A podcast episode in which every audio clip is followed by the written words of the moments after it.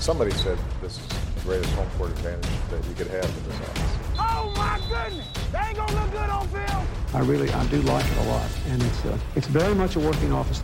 You didn't do anything. You didn't. You didn't. You didn't do anything. Well, my favorite place is the Oval Office. Hej og velkommen i det ovale kontor. Mit navn er Anders Kaltoft, og i denne uge skal I tøjle med mig som vært. Da verden for et par dage siden fik noget mere positivitet ind i sig, for vi er nemlig blevet endnu en skafte våbengård rigere. Mark han er blevet far, og derfor er han ikke med i den her uge, så han lige kan få lidt tid til en lille bitte, bitte balder og, og hans kone Sara. Øh, til gengæld, så har jeg som altid Danmarks svar på Sokrates. Thijs Joranger. Hej Thijs. Goddag, goddag. Øhm, og inden vi hopper ind i en kort nyhedsrunde, så skal jeg selvfølgelig sige, at vi er bragt i samarbejde med vores støtter på Tier. Uden jer kunne vi ikke sidde her og nørde sporten, som vi elsker. Så tak for jer. Og skulle du have lyst til at blive en del af klubben, så skal du bare gå ind på tier.app. Det er 10er.app eller dk. Den skal nok finde vej. Søg efter det ovale kontor. Vælg et valgfrit beløb, som du ønsker at støtte os med for hver episode, vi udgiver. Og øh, så er den ged ligesom barberet. Øh, men øh, lad os gå i gang med det. Lad os hoppe ind i nyhedsrunden. Vi starter med en, øh, en, en det er ikke en voldsom stor nyhedsrunde, vi har i dag, men der er alligevel nogle vigtige nyheder. Den første, det er, at Demonte KC, han er blevet suspenderet for resten af året efter et, øh, et hit, der så lidt voldsomt ud, men nok mere voldsomt, end det egentlig var, øhm, på øh, Indianapolis Colts wide receiver Michael Pittman. Og øh, Thijs, hvad er din holdning til, til det, er jo, det er jo dine Steelers, der lige bliver ramt her på, øh, på forsvarssiden. Ja, jamen, øh, øh, min, hold, min holdning er øh, et, som du siger, jeg synes ikke hittet i sig selv er så slemt og er så øh, beskidt, eller øh, intentionerne er ret dårlige. Jeg synes, jeg, jeg synes, han gør ret meget for at undgå øh, at lave et, et ulovligt hit, men det ender som et ulovligt hit, synes jeg stadigvæk. Mm. Øh, sådan er reglerne nu, og der er en grund til, at de er, som de er. Øhm, så, så på den måde, altså jeg synes jo, jeg synes ikke, at selve hittet i sig selv er en karantæne værdig. Jeg synes heller ikke nødvendigvis, det var fortjent, at han blev smidt ud af kampen. Men problemet for, for KC er, at han har en tendens til at spille alt for ukontrolleret og reckless og voldsomt. Øh, det har han gjort hele året. Han har lavet mange hårde hits, øh, både lovlige øh, og ulovlige, mm. og han har også en håndfuld bøder fra tidligere i år. Det er jo derfor, han får karantænen. Det er fordi, nu laver han endnu en ulovlig hit, og det gør han så i, i primetime tv øh, på, en, på noget, som ser rigtig voldsomt ud. Det ser meget voldsomt ud øh, på live, øh, i, i live øh, speed, mm. når, man, når man ser gengivelserne. Ja. Øh, eller når man ser, når man ser kampen. Så, så på den måde, så bliver det bare en, en voldsom historie, og med den historik, han har, så får han en karantæne. Det synes jeg sådan set er fair nok, fordi jeg synes, han bliver nødt til at ændre sin spilstil, fordi han har en tendens til at komme ind alt for voldsomt i alt for mange taklinger og situationer. Og, og det, er jo, det er jo både farligt for modspillerne, men det er også farligt for ham selv. Og, og det er jo, det er det, jeg synes, der er debatten, fordi der er mange, der er utilfredse med, at øh, hvordan skal man så spille forsvar, og kan man overhovedet spille forsvar, øh, og hvad skal han gøre, hvis ikke han må lave det hit, som han prøver at lave øh, på Michael Pittman. Øh, og, og det, svaret er jo, at, at, at at han må, han må, han må undgå at, at lave det hit, som han gør. Altså, så, så, må, så må Michael Pittman få en større chance for at gribe bolden, og så må han jo prøve at slå bolden løs, når, når Michael Pittman øh, rammer jorden på en eller anden måde.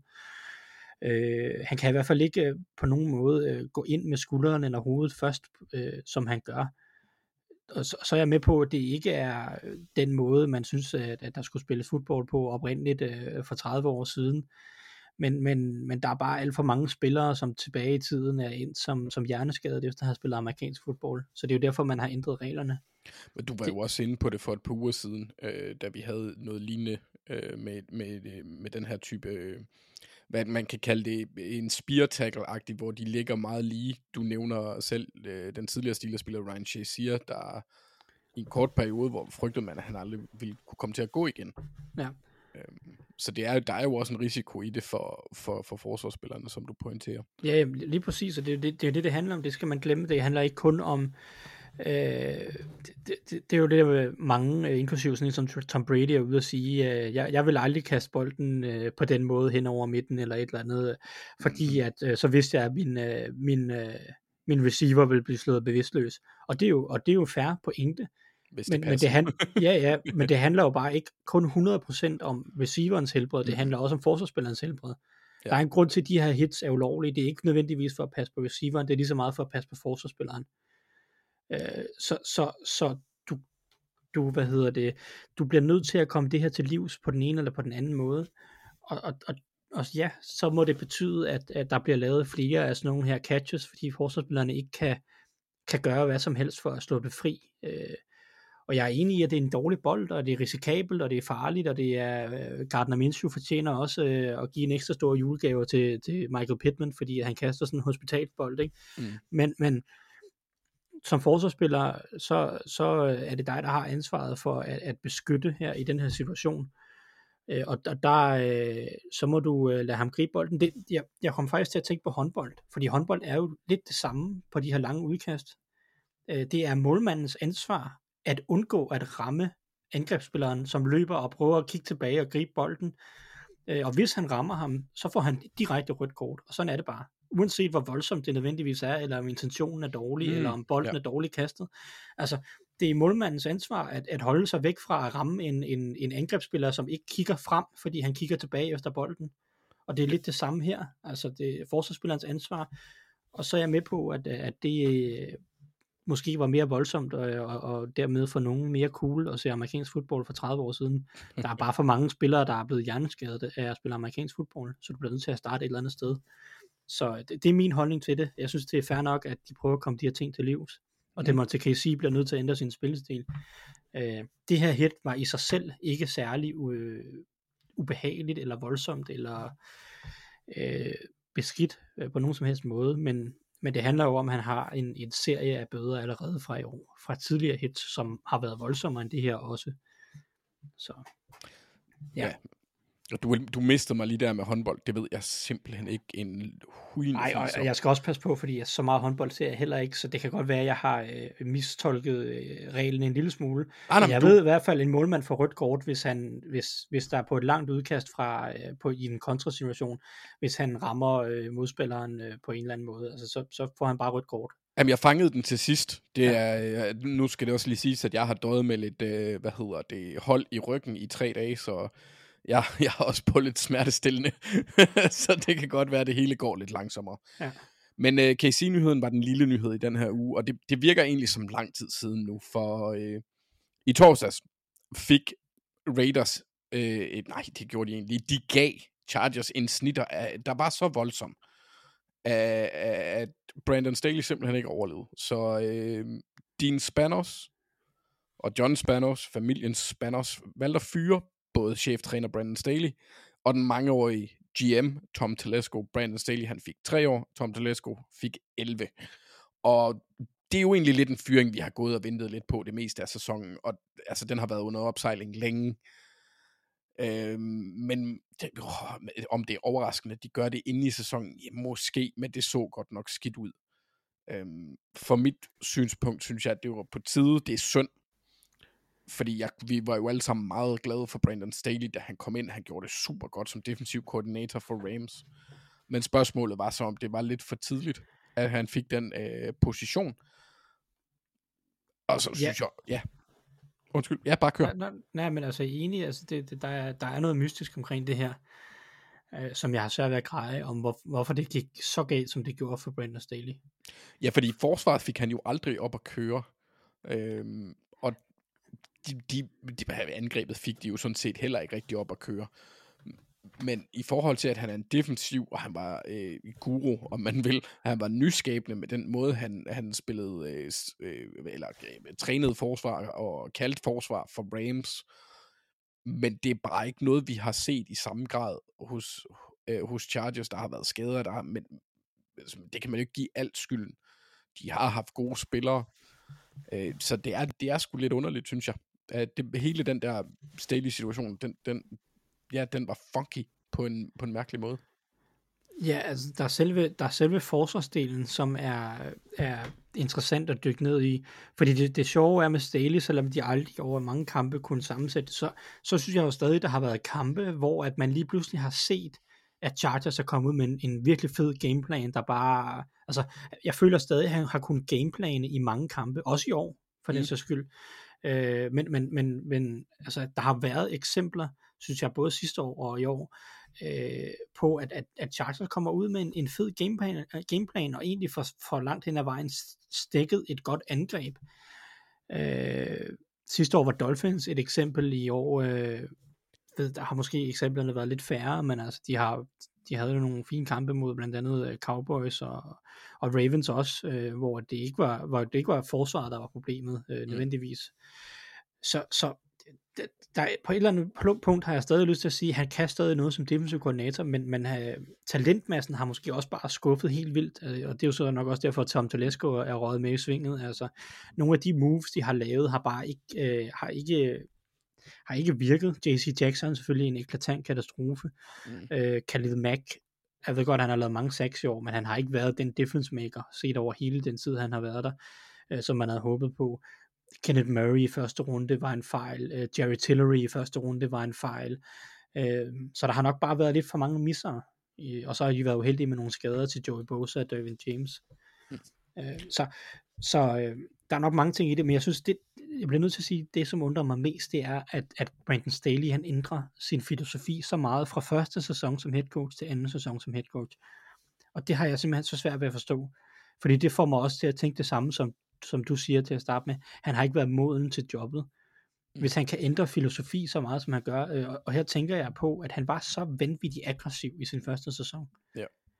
De gik på alle fire downs nærmest, øh, og, og han foldede, øh, altså Chargers var et, et fedt og spændende, dynamisk hold, der, der, der og vel at mærke, de her chancer, de tog, det var ikke bare hovedløst alt sammen. Der var nogle kampe, hvor det kom til at se sådan ud, fordi det ikke lykkedes på nogen som helst måde. Øh, det er jo sådan lidt mere uheldigt, men, men, men det, var, det var korrekt aggressivitet, modsat mange andre hold, der er for, der er for konservative. Ikke? Ja. Men den, altså i sæson 2, der var han jo en helt anden træner. En af de mest konservative i hele ligaen. Så i, fra sin første sæson til sin anden sæson, der skifter han fuldstændig identitet. Hvilken type træner han gerne vil være. Øh, I forhold til sådan øh, in-game øh, decision making. Og, altså, og det, det forvirrer mig helt vildt. Og det får mig til at tro, at han har fået kolde fødder med sin egen identitet, og øh, har ja, misforstået øh, sig selv, skulle jeg til at sige. Øh, og det, det synes jeg bare er ærgerligt, og det forstår jeg ikke helt. Nej, det er lidt spøjst. Man, kunne man forestille sig, at der er kommet desinger op fra? Øh, nej, nej, det behøver vi sgu ikke at spekulere i. Jeg har, jeg har en aversion mod øh, Spanos familie. De er nogle dårlige ejere. Øhm, de har sådan været ude og tage lidt ansvar, altså at sige, at pilen peger i sidste ende på dem. Mm. Men yeah. ja, altså det, med, det, med det materiale, de har, med den quarterback, de har, så burde de bare være bedre. Øh, og det, jeg synes måske også, at pilen peger lidt mod en mor, men hvis navn jeg altid glemmer åbenbart, på nær lige nu, fordi jeg husker det tidligere, da vi snakkede. Øhm, fordi det angreb har jo heller ikke set særlig godt ud. Og de har manglet øh, receiver, og de har manglet våben. Det, ja, de er jo nærmest nede på Quentin Johnston, ikke? Altså sådan, det, det har været en meget sæson for Chargers.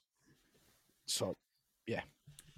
Jeg er med enig, at Kjell Moores øh, situation er også øh, vanskelig, fordi han, vi kan godt blive enige om, at han gør nogle gode ting, men nu har han øh, et par år i træk, både her og hos, hos Cowboys, øh, lige hver gang manglede det sidste for at få det til at gå op i en eller anden enhed.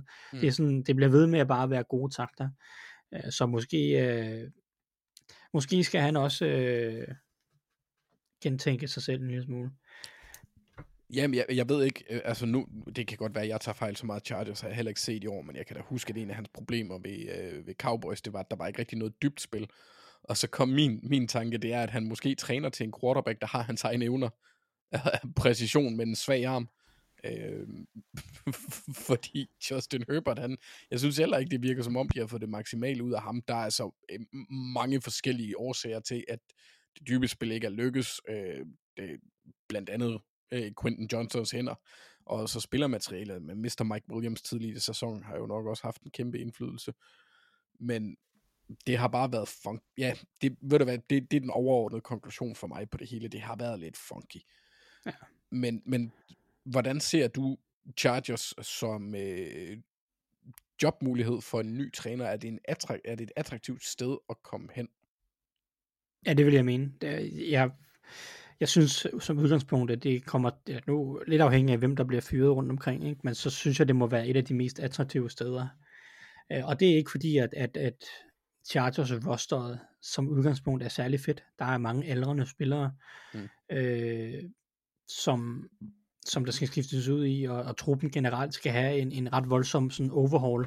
Men det allersværeste i NFL, det er at finde en god quarterback. Ja. Og, og den udfordring har du ikke. Så du kan gå ind som GM og, og head coach øh, og fokusere på alt det andet og prøve at bygge noget op omkring det.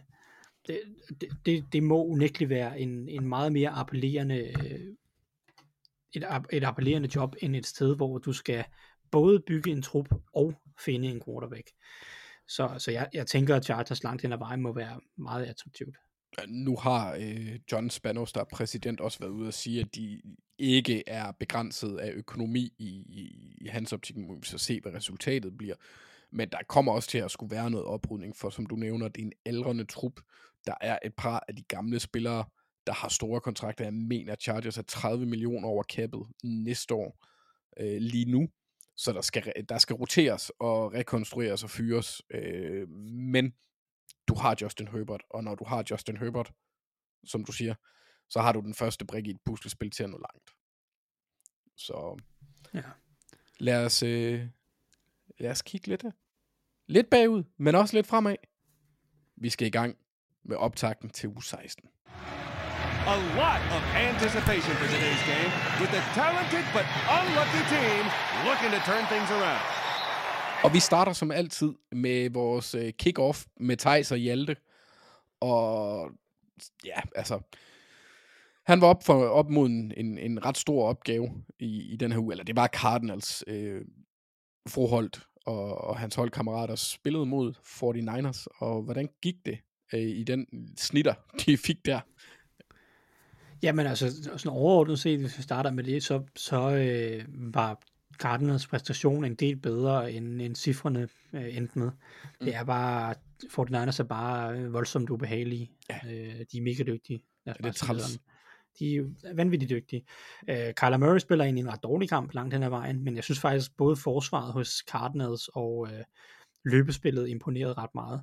Og hvis vi så kommer til løbespillet, så, så var det rigtig meget borget af faktisk den indvendige del af, af Cardinals offensiv linje. Mm.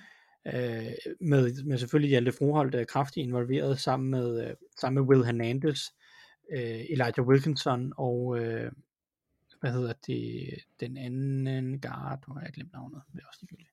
Uh, Wilkinson spillede ikke fuldtid. Uh, men Okay. anyway, den indvendige del af den, af den offensive linje hos, der, hos Cardinals uh, spillede en rigtig god kamp, og det gør Hjalte også. Det var, jeg synes, det var hans bedste kamp i år. Uh. Uh, meget, meget, altså mange gode, uh, mange gode blokeringer i løbespillet. Uh, Tristan Colon var det sidste navn der på, Og på det burde jeg jo vide, det er en tidligere Raven. Men, øh, men altså, rigtig mange gode løbblokeringer, rigtig mange øh, gode blokeringer også på screens, øh, som Carden også kørte lidt for mange af, efter min smag. øh, ret, gode, ret gode ting også i kastespillet. Han, han bliver noteret for 0 pressures af PFF i kampen. Der var måske lige et spil, hvor at i starten af kampen, hvor Javon Kinlaw sådan laver et semi-pressure, men øh, den faldt ud til Hjaltes fordel i, i, øh, i tællestatistikken. Øh, hvilket også var fair nok. Øh, det, det er meget sent i, øh, i snappet, at, at Javon Kindler kommer ind og får en lille smule pres på, på Murray. Men øh, flot kamp også pass protection. Generelt bare mange gode blokeringer i alle øh, spillets facetter, både øh, i sådan downhill running, men også bare på pods øh, udvendigt. Det var, det var en meget helstøbt kamp faktisk. Øh, det, det som det er jo ikke et malurt i bad, men det man skal bliver nødt til at nævne, det er selvfølgelig, at, at, at 49ers er uden deres øh, to bedste og de to startende defensive tackles i den her kamp. Så det var backup tackles, som Cardinals og Hjalte Froholt stod overfor. Det var Kevin Givens, det var Javon Kinlaw, det var uh, T.Y. McGill. Uh, det er ikke det er ikke store profiler. Nej. Øhm, men altså Givens og Kinlaw, Kinlaw er tidligere første rundevalg, og Kev, øh, Kevin Givens har egentlig, øh, gør egentlig øh, det normalt udmærket som, som backup øh, defensive tackle. Mm. Så det er ikke, det er ikke non-NFL-spillere, skulle jeg til at sige, han har stået overfor. Så, så overordnet set en super flot kamp fra, fra forhold, og jeg synes jo, det er mega fedt, at han, han bygger videre på igen nu her. Der er to gode kampe i træk, som forhåbentlig kan bygge videre til, at han slutter sæsonen godt. Ja, og altså, nu er det ikke, det er måske lige tidligt at gøre, øh, gøre konklusion øh, på, på sæsonen for Hjalte, for der er jo stadigvæk tre kampe tilbage. Men det virker på, øh, på mig som om, at han, øh, hvis ikke han har sikret sig starterpladsen for Cardinals, så kommer han, han i hvert fald i spil hos et andet hold. Øh, han har bevist, at han hører hjemme i NFL. Øh, det er vel ikke helt off? Nej, enig. Øh, Der er et sted til ham på, øh, på et roster, som enten starter, eller øh, skulle til at sige top backup et sted. Mm. Øh, Der er så få, øh, eller det vil sige, næsten alle hold mangler kompetente offensive linjefolk. Jeg synes, at Hjalte har vist, at han er kompetent øh, langt hen ad vejen. Så øh, jeg synes jo, det vil være oplagt for Cardinals at kigge alle mulige andre steder hen end center i Ja. den her offseason. Jeg synes, vi skal køre videre med Hjalte som center. Der, der er mange andre positioner, som kunne trænge til et ansigtsløft, og Hjalte er på en kontrakt, som ikke er særlig stor næste år. Øh, det er en, stadigvæk en forholdsvis billig kontrakt for en startende center. Ja. Så, så Cardinals øh, synes jeg vil gøre klogt i at bare beholde ham, og, og så fokusere på nogle af de andre pladser, øh, og så bare have Hjalte som en, en billig og kompetent center, i, også i 2024. I- Jamen, ved du hvad, så håber jeg, at Monty Ossenford, han ligesom Mark Davis hører det ovale kontor. Øh, men næste kamp her i weekenden, det er mod Bears. Øh, Yes. og et lille hurtigt kig på den, Thijs. Hvad, hvad står han over for? Øh, jamen, han står over for et forsvar, der øh, trender voldsomt opad. Øh, det er primært drevet af Montez Sweat, skulle jeg til at sige, som så godt nok han, han ikke kommer til at stå super meget overfor. Men der er også nogle af de defensive tackles, som, øh, som trender opad generelt. Øh, de har en, en, en lidt overset måske defensive tackle gruppe. Øh, Uh. Nå, men, men der er nogle, det er ikke nogen stjerner, men der er nogle solide spillere. Øh, Justin Jones, nok deres primære defensiv, eller deres nummer et defensive tackle. Sådan en fornuftig, solid all-round, øh, gennemsnitlig defensive tackle, som kan lidt både mod løbet og kastet. Så er der Andrew Billings, han er en stor bamse af en defensiv tackle. Øh, hvad hedder det? Som ikke er så mobil nødvendigvis, men, men, men fylder en del. Øh, Og så er der et par rookies i Javon Dexter og Zach Pickens, hvor at, at Javon Dexter har vist uh, mere end, end Pickens uh, umiddelbart. Han var også en darling inden, øh, inden, inden draften, var han ikke det? Jo, for mit vedkommende jo. Jeg kunne, godt- jeg kunne godt lide potentialet i, i, i Dexter. Ja. Um, det er ikke nogen vanvittig defensiv tacklegruppe, og uh, jeg, jeg tror, der er nogle muligheder, uh, hvad hedder det, for at levere i hvert fald en, en solid kamp i pass protection. Jeg synes ikke, der kommer så mange trusler fra, altså i, i, pass rushing uh, indvendigt uh, fra, fra, hvad hedder det, fra Bears' uh, defensive tackles. Uh, så det er mere i løbespillet, hvor at, at der kommer til at være nogle kampe. Jeg synes, at Justin Jones og Andrew Billings og er, er bedre i løbespillet, øh, end, end de er i kastespillet langt hen ad vejen. Så øhm, en, en spændende kamp mod et Bears-hold, som, som egentlig har gjort det ret fornuftigt øh, i de sidste lange tid, især, især deres forsvar. Øh, og så, øh, men stadig gode forudsætninger for at præstere. Ja. Men tak for det, Thijs. Så, øh, så tænker jeg, at vi skal kigge lidt fremad nu, og kigge på nogle af weekendens kampe. Will they bring out the punter here? Og vi starter med TV2-kampen. Og jeg er faktisk nu, hvor jeg sidder her, øh, ja, det var mig, der fik lov at vælge mellem to kampe. Der er, det skal også siges, der er også lørdagskampe i øh, denne weekend, juleweekenden. Men de to TV2-kampe, det var Texans Browns og Lions Vikings. Og jeg tænkte, jeg har lige snakket Vikings, så det, det gider jeg egentlig ikke rigtig gøre igen. Så jeg havde egentlig skrevet Texans og Browns. Men når man kigger på Texans øh, skadesliste lige nu, så er CJ Stroud, han er jo stadigvæk i concussion protocol. Will Anderson, han er ude. Nico Collins er ude. Tank Della er ude. Det er ikke en, kan man sige, en spiller for spiller ret interessant kamp. Men jeg tror alligevel, jeg bliver ved den. For selvom øh, Lions var nogle røvhuller øh, i forhold til picks særligt, og vågnede op igen i, i weekenden, så synes jeg stadigvæk, at den her kamp den er interessant i det overordnede perspektiv. For resultatet af den her kamp har stor indflydelse på playoff-pladserne. Og så, så har vi jo selvfølgelig også Joe Flacco. Åh, oh, jeg var lige ved at blive bange her i, øh, i weekenden, fordi han kastede tre interceptions, og det, det så sgu ikke godt ud, så alt det der ros, jeg har, har kylet i hans retning, det begyndte at se lidt dumt ud. Det har det nok gjort hele tiden. Men hvad fanden, de endte med at Ja. vinde. Jamen, så jinxede jeg den, og så vendte det. Ja, det er rigtigt. Jeg, jeg har glemt dine... Øh, ja, det kommer jeg også ind på senere. Jeg har glemt dine kræfter, Thijs. Men, øh, men lige nu, der er det... Og jeg skulle lige før, det er alle i AFC South, der er 8 og 6, men det passer selvfølgelig ikke. Øh, eller gør det? Nej, nej. Titans, de er 5 og 9. Ja. Men Texans, Colts og Jaguars er alle sammen 8 og 6. Så for Texans er det her en vanvittig vigtig kamp. På den anden side, så er Cleveland de er 9 og 5, men de er ah, de har halvanden kamp foran Bengals på 8 og 6. Og to og en halv kamp må det jo så være for... Nej, jeg ved egentlig ikke, hvordan er det indbyrdes opgør. Steelers har vel vundet dem. Øh, mod Browns så har de en hver. Okay, jamen så er de også to og en halv kamp foran dem jo, fordi de er bedre i konferencen. Øh, Steelers er 7 og 7. Så dine Steelers, hvis de skal nå i playoff, så er de ret afhængige af, at, at, at Texans de tager den her, måske. Og at Jacksonville så også på samme tid taber. Øh, det begynder at spidse lidt til. Jeg tror, det bedste for Steelers, det vil være, hvis Browns vandt. Nå, okay. Jamen, Det vil jeg gætte på, fordi jeg tror, Browns, de, de skal bare de skal tage et af wildcardsene, så må jo Steelers gå efter syvende, syveren og noget stil. Og der tror jeg, de er mere konkurrerer med, med Texans, end de gør med Browns. Hvad med Colts? uden at have tjekket matematikken på det. Altså. Nå, ja, hvad med Colts? Åh oh, ja, Jo. hold da op, den der wildcard, den begynder at blive mere og mere usandsynlig, fordi Buffalo ligger jo også ja, ja. og pejler til den, og de når, de når nok ikke, de når ikke Dolphins, det tror jeg sgu ikke. Åh, det kunne de måske. Nej, det, nej, det gør de ikke. Men, men det, det, det, jeg synes, der er interessant ved den her kamp, det er, øh, hvad, hvad, hvad kan man sige, det, det er ringene i vandet efter den.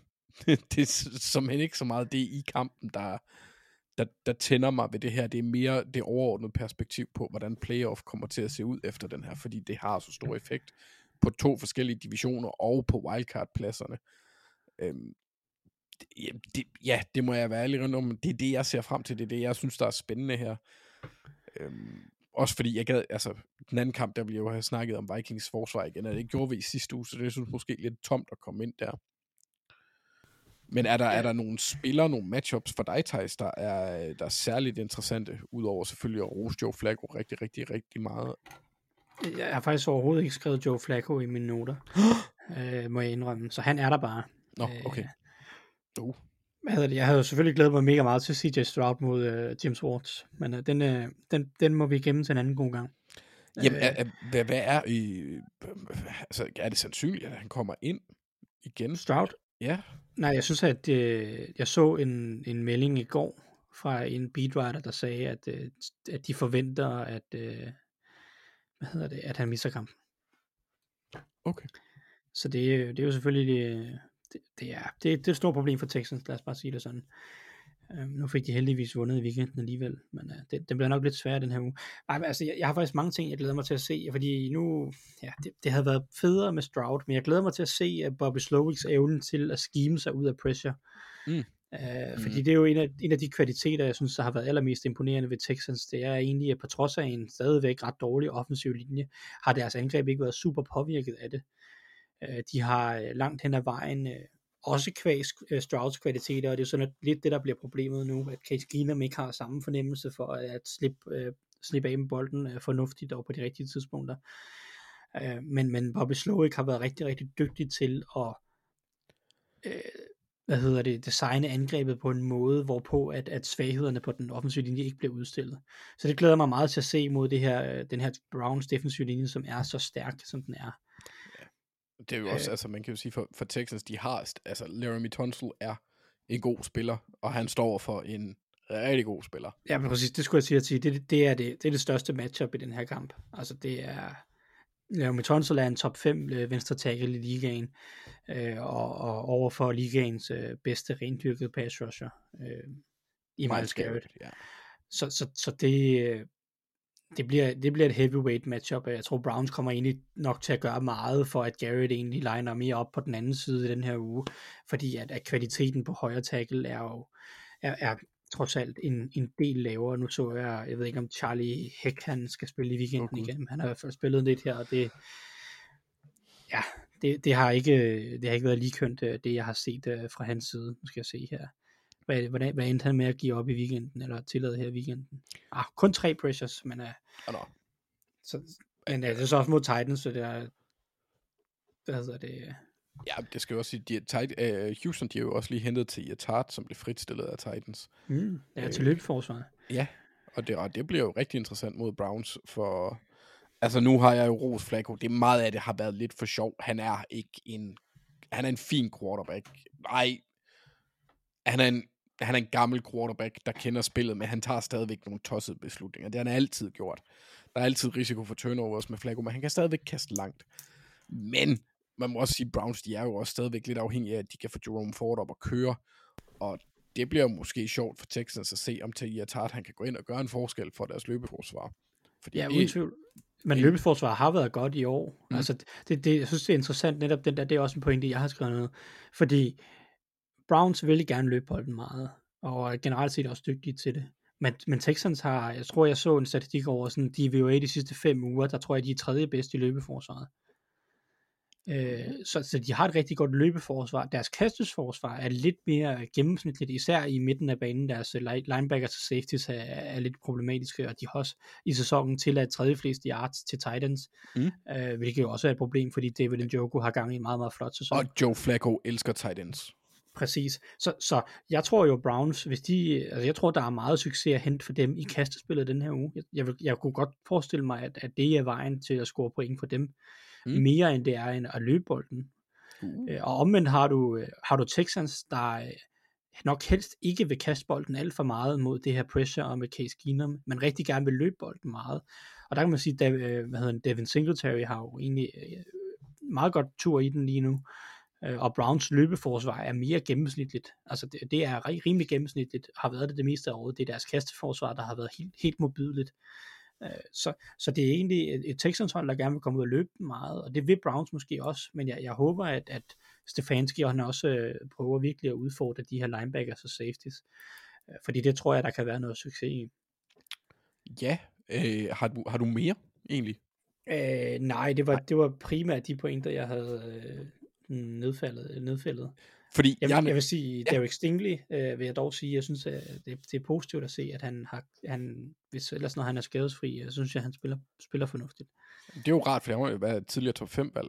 Ja, præcis. Øhm, men jeg er faktisk lidt stolt af mig selv, Thijs, fordi for første gang, mens jeg har været vært, så husker jeg, at vi skal vælge vinderen og taberen af de her kampe. Uh. Ja, så øh, jeg kan så øh, lige putte en lille appetizer, en lille teaser ind og sige, at øh, du er nu så tæt på mig, at jeg godt kan tillade mig at sige, at du må, må, du må godt vælge først, Thijs. Jamen, var det ikke din kamp, den her? Det er den eneste kamp, jeg har... Jeg har jeg, øh, ved du hvad, så tager jeg Browns. Okay. Jeg tager Browns. Men Det, det gør jeg også. Din puppet master. Ja, men altså, jeg skal nok tage den næste. Ja, ja, men jeg kan ikke lide... Det er også har- en god kamp. Det er også en god kamp. Jeg kan ikke lide, at du har fået den evne. Men øh, ja, jamen ja, jamen Thijs, lad os så gå videre til den næste kamp, for det er, øh, jeg vil sige, det er en kamp, jeg frygter øh, rigtig meget. Og øh, jeg, jeg har egentlig ikke lyst til at se den, og jeg vil egentlig bare gerne sove. Den, jeg, jeg, det er 49ers Ravens, og jeg er hundeangst for, at Ravens bliver eksponeret i den her kamp. Men, øh, men det, det er den, du har valgt, så hvad har du med til os? Jamen, jamen øh, jeg kan godt forstå dig, fordi 49ers ser øh, mega, mega uhyggelige ud. Åndssvagt. Øh, men øh, jeg, jeg vil sige, at, at jeg bliver nødt til at tage den her kamp, fordi det her, det er, øh, det er sæsonens kamp. Ja. Øh, I grundspillet indtil videre. Og det er historisk set måske også en af de bedste grundspilskampe øh, på papiret, sådan før kampen. Nu må vi se, hvordan den udspiller sig. Det kan være, den bliver mega kedelig, eller mega rodet, eller hvad ved jeg. Mm. Øh, men jeg så øh, ham, Aaron Schatz, der står for øh, DVOA. Uh, han, skrev, han skrev noget om, at, at, at uh, 49ers øh, efter hvor mange uger har der spillet? 15? Er det 15 uger, der har spillet nu? Ja, vi går ind i uge 16 nu. Ja, øh, at efter 15 uger, så får de Niners det, det tredje bedste hold mål på DVOA nogensinde. Ravens er, Ravens er det 14. bedste. Altså. Så, så du har ligaens to bedste hold mål på DVOA, som begge to er top 15 hold all time mål på DVOA. Øh, og det er jeg tror, han skrev, at, han skrev, at det er muligvis sådan i DVOA-perspektiv den bedste grundspilskamp, vi har haft på nuværende tidspunkt af en sæson øh, nogensinde. Jeg, jeg så også et eller andet med, at Brock Purdy, han var, hvad var han, nummer to i effektivitet, men nummer 32 i antal kast. Eller attempts. Øh, det er jo, altså 49ers er bare fuldkommen vanvittige lige nu. Ja. Ja, ja altså, så, så, så jamen, jeg er enig, og, og, og der ja, Brock Purdy og alt det her, det, det kommer vi jo nok til at snakke mere om øh, lige om lidt, men, men jeg synes jo, det, det er sindssygt, øh, det, det er en meget, meget interessant kamp, fordi det her, det er jo også en forsmag på en potentiel Super Bowl, som, altså, de, de her hold kan mødes allerede om halvanden måned igen, øh, hvis, øh, hvis, øh, og, og hvis de begge to måske får første seed i deres konference, som de ligger til, mm. øh, og så øh, og, og går igennem slutspillet, øh, som, som begge hold håber på. Og jeg synes jo bare, der, der, der er mega meget kvalitet, og mega mange spændende matchups i det her.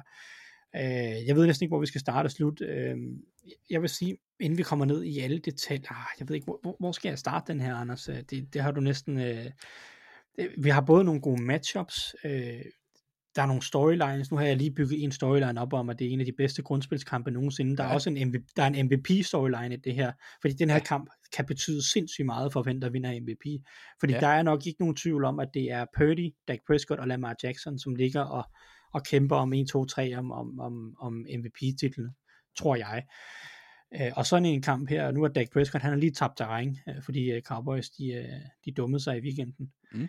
Øh, så du, du, har, ja. du har de to her mod hinanden. Altså hvis, hvis den ene af de her to kommer ud og leverer en kæmpe klonker af en kamp, så tror jeg, at de er ude af MVP-ræset. Fordi der er også bare altid noget recency bias i de der afstemninger. Helt sikkert.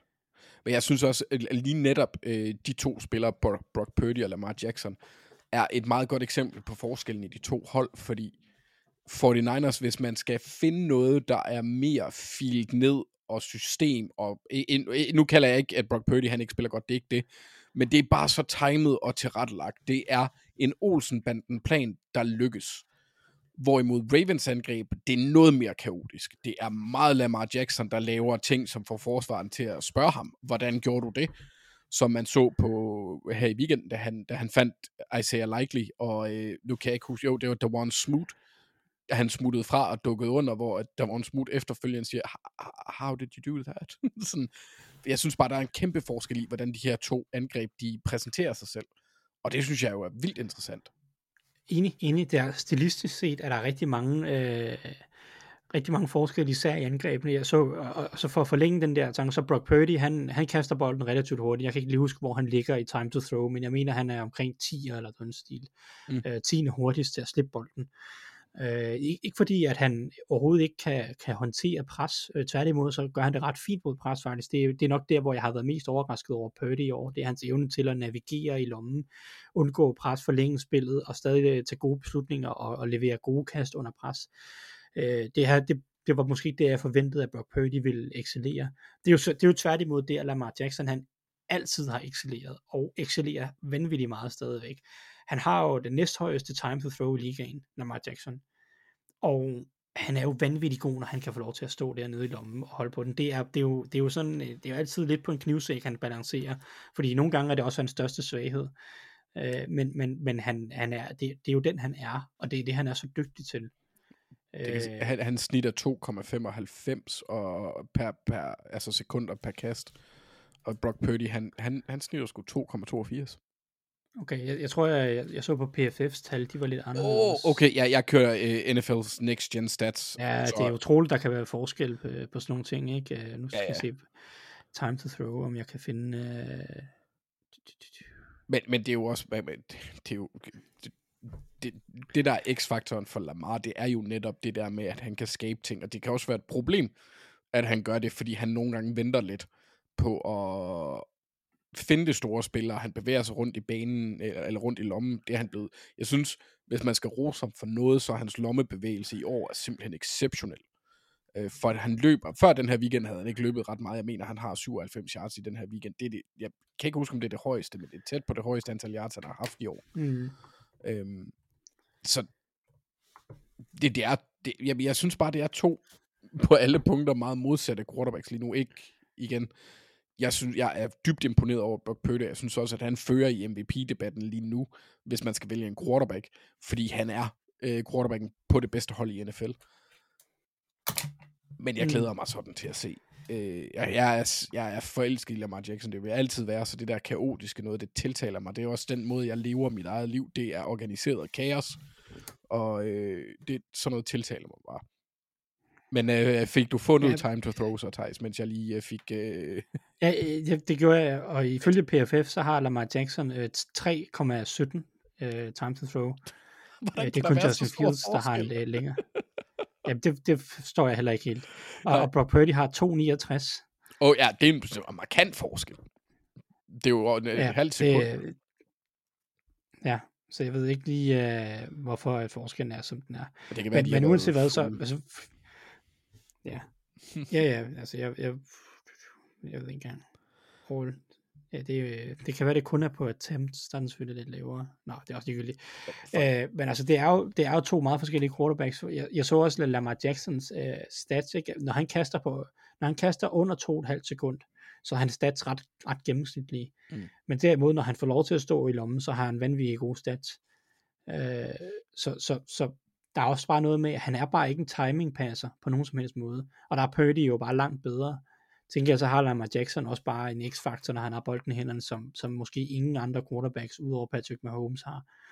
Ja. Øh, så, så, så det er jo det er meget stilistisk øh, forskelligt. Øhm, nå, andre, andre ting, jeg vil sige, øh, jeg synes jo måske det her, det er to af de hold i ligaen, måske de to hold i ligaen, som er sådan mest alsidige i forhold til den måde, de kan vinde kampe på. Ja. Øh, også måske, øh, også måske også den, de mest scheme diverse angreb i ligaen overhovedet.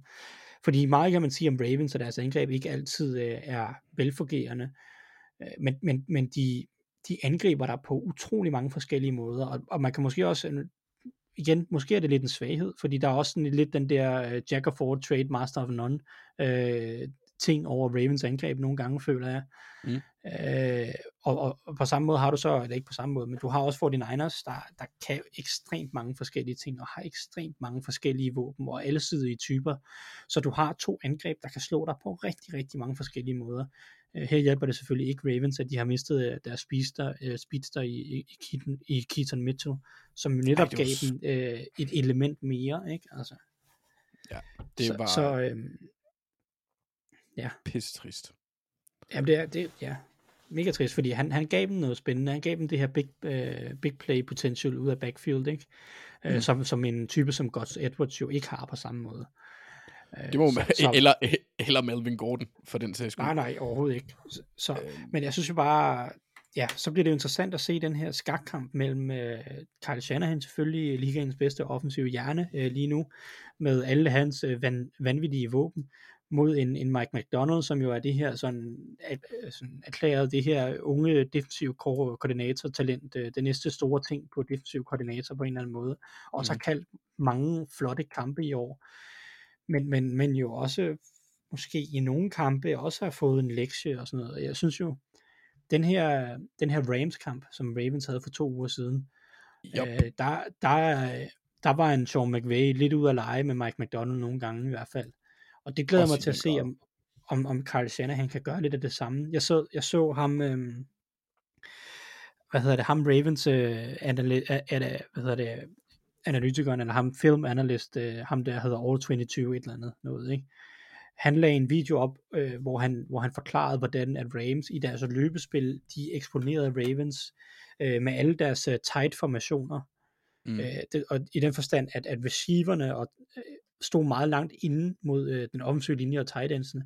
Så der var der var måske kun én receiver, der stod bredt, og alle de andre stod inde øh, ved, ved den offensive linje i forskellige formationer. Det er noget, som McVay altid har gjort meget. Mm. Øh, og, og udnytte det til, fordi Ravens og Mike McDonald kan godt lide at stå i den her too high øh, skal, det vil sige med to dybe, dybe safeties. Og, og det udnytter de bare til, jamen når receiverne står helt derinde, så hjælper de til med at blokere, og så lige pludselig har du øh, ni blokeringsspillere nærmest stående midt inde i det hele, og Ravens de har to dybe safeties og en cornerback derude og sådan noget, så, så det er sådan 9 mod 7 hele tiden inde i, i midten af det, og, og det betød, at Rams bare kunne blive ved med at løbe bolden super effektivt i rigtig, rigtig lang tid. Fordi at, at Mike McDonald han insisterede på, at, at, at det ikke var Matthew Stafford, der skulle slå dem, Øh, og så sagde McVay, jamen det er fint, så kører Kyron Williams, så løber han bare bolden. Ja. Og, og den der duel, fordi øh, 49ers kan meget af det samme. Jeg så en statistik her øh, fra Ben Fennell, som siger, at, at hvis man ligesom tager øh, formationsbredden i gennemsnit på alle hold, ikke, så får de Niners det, der har det smalleste formationsbredde, og Rams er så to. Ikke? Ja. Så du har, du har nogle af de samme konflikter, som 49ers kommer til at give, som Rams gav, og der bliver det spændende at se, om Mike McDonald har nogle andre svar.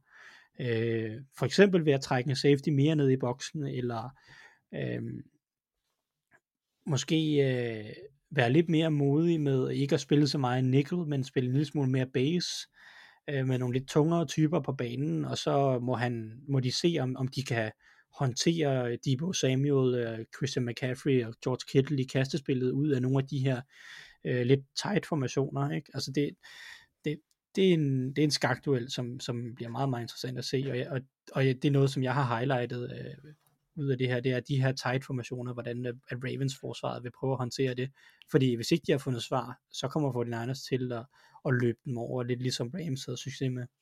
Ja, og det, det er jo netop den, den Rams-kamp har gjort, at jeg ryster i bukserne som Ravens-fan her øh, op til den her kamp. Jeg, altså, jeg er så nervøs for de der Shanahan 3 angreb efter den kamp, fordi det, det, altså forsvaret var helt væk, synes jeg. Altså det var, det, vi havde et stop i hele kampen, og så ender vi med at vinde på et punt return. Øh, og det stop, vi havde i kampen, det blev annulleret, og så går, øh, fordi Tyler Wallace, han var jo offside. Men det skræmmer mig rigtig meget, fordi du kan kigge på en masse ting i statistikkerne. Jeg mener, når, jeg kan ikke finde tweetet, øh, men jeg så et eller andet, der nævnede, at ind over midten øh, i forhold til EPA per play, der var Ravens sindssygt gode på forsvaret, og 49ers var sindssygt gode på angrebet. Så det bliver også en sjov skakkamp på det område, at se, hvordan de, øh, de angriber det. Mm. Og på samme måde er jeg egentlig super interesseret i at se, hvordan 49ers de håndterer Isaiah Likely, der har fået en hovedrolle, efter Mark Andrews han gik ud og var skadet. Øh, han har lidt den der samme evne, som Mark Andrews havde med, at, at når Lamar han øh, køber sig tid, når han løber rundt i lommen, eller vi, vi så det på det der åndssvage kast her, øh, som jeg nævnte tidligere. Han er god til at justere og finde ud af, hvor Lamar gerne vil have ham hen. Og, og så ham har jeg lidt som en difference maker for Ravens, hvis de kører tight end siden. Ellers så kunne jeg forestille mig, at en spiller som C. Flowers, han bliver rigtig vigtig. Fordi angrebet løbemæssigt, oh, oh, jeg har svært ved det. For det er øh, to tunge running backs, vi har lige nu. Jeg, de, de har lige signet øh, en af mine yndlingsspillere nogensinde. Jeg aldrig rigtig har set spillet den tidligere Rams running back, Jake Funk.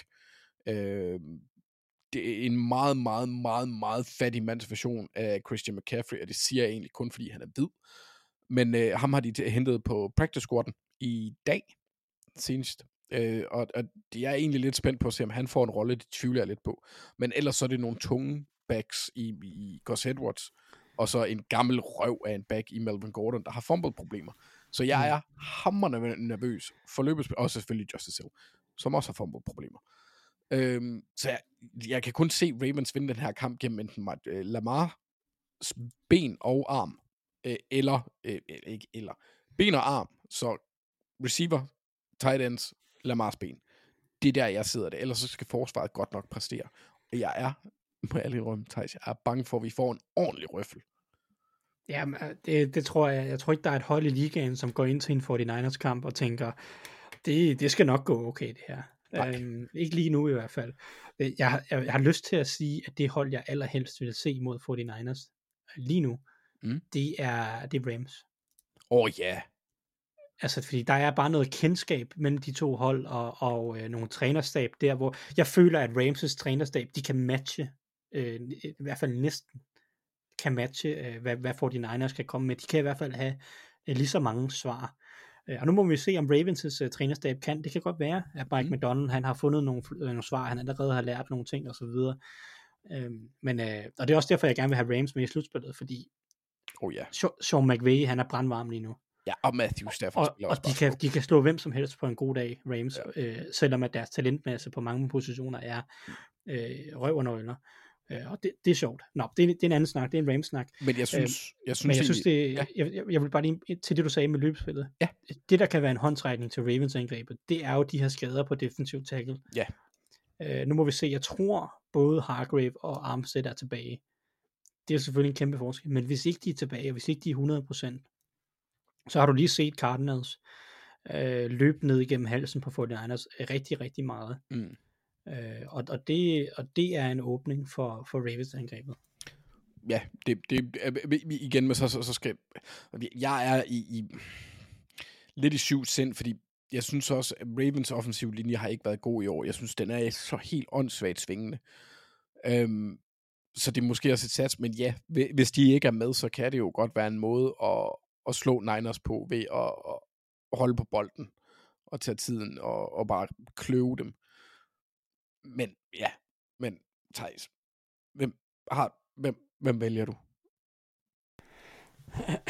Øh, Jeg, jeg, og bare lige for at være helt ærlig, øh, jeg s- jeg synes ikke, at det er fordi, du giver mig meget ved at vælge den her kamp først.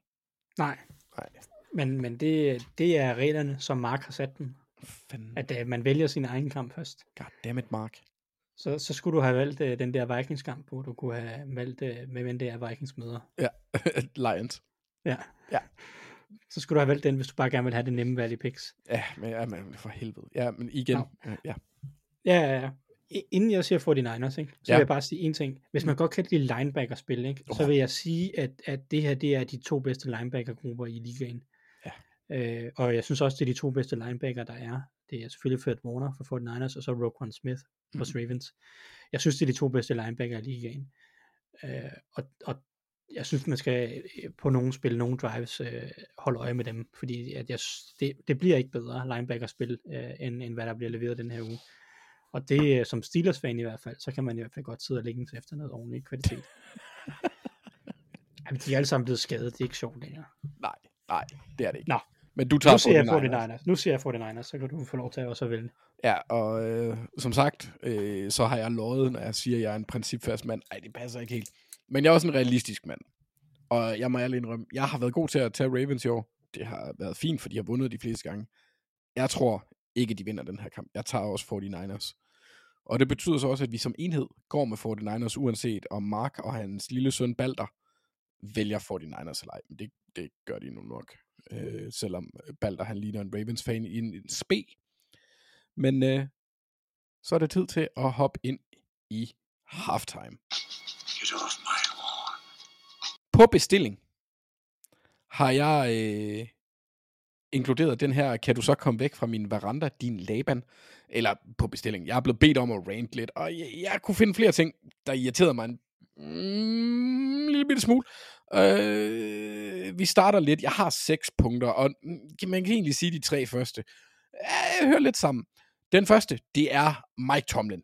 Øhm, og den er inspireret af Tejs og noget, jeg så på hans Twitter. Fordi jeg synes egentlig, han har ret. Mike Tomlin, han skal til at tage sig lidt sammen i forhold til hans trænerhyringer. Og prøv lidt nyt. Lad være med at være så sikker. Slå dig løs, Mike. Du kan godt. Hyr nogle sjove trænere, i stedet for at køre det der indvendige indspiste incestpis. Og så vil jeg sige, jeg er også lidt sur på Nick Sirianni, fordi jeg kan stadigvæk ikke helt forstå, hvordan man giver Matt, Patri- Matt Patricia øh, lov til at kalde forsvar lige nu. Øh, øh mm, det, det, det, jeg synes, det virker en anelse desperat, for at være helt ærlig. Og jeg synes ikke kun, det er forsvaret, der har været problemet for Eagles. Det er sådan set lidt en oven, øh, over det hele punkt lige nu. Selv Jalen Hurts har været ude med en rimelig kras kritik af sin holdkammerat om, at de ikke, øh, ikke øh, det ikke betyder nok for dem. Ja, det var ikke de ord, han brugte, men det var det sentiment, han sendte. Og Nummer 4, det er Arthur Smith. Jeg må sige, Thijs, jeg hopper helt af vognen nu. Jeg køber ham ikke længere. Det er simpelthen noget råd. Hvordan i alverden kan man tabe til Carolina Panthers i en kamp, hvor Carolina Panthers ikke engang scorer et touchdown. Det er fuldstændig vanvittigt. Det ser åndssvagt ud lige nu. Han har taget en tight end i top 5, men det er stadigvæk John O. Smith, der får de fleste spil. QB-karusellen er endnu en gang rundt øh, hvad, hvad, svingende, hedder det, kørende. Det bliver igen Taylor Heineke, der skal ind og spille. Desmond Ritter er nærmest blevet dårligere i den tid, han har været i Falcons. Det er fuldstændig, han, han tager også nogle fuldstændig åndssvage beslutninger. Det virker spøjt. Så Arthur Smith, skrid væk fra min veranda. Og nummer tre, og jeg siger det igen, og jeg har sagt det før, løb fra shotgun på tredje og kort. Stop med det! Alle sammen! Jeg tror primært, det var Panthers, der fik den trigger den her gang. Nummer to, Washington Commanders. Sæk en omgang af røvhuller, de har fyret. Long snapper, Cameron Cheeseman. Og det er simpelthen bare ikke okay. Den nummer et person, jeg er sur på i den her uge, det er mig. Der var corgis i halftime, og alligevel tog jeg Cowboys. Thijs' to, den dinglede og drillede og, og, og viftede, og alligevel tager jeg Philadelphia Eagles. Så mig, stop det. Skrid væk fra din veranda, Anders. Dit røvhul. Og Fremragende. tak, tak. Med, med, med den lille udluftning, lad os så gå ind i tredje kvartal.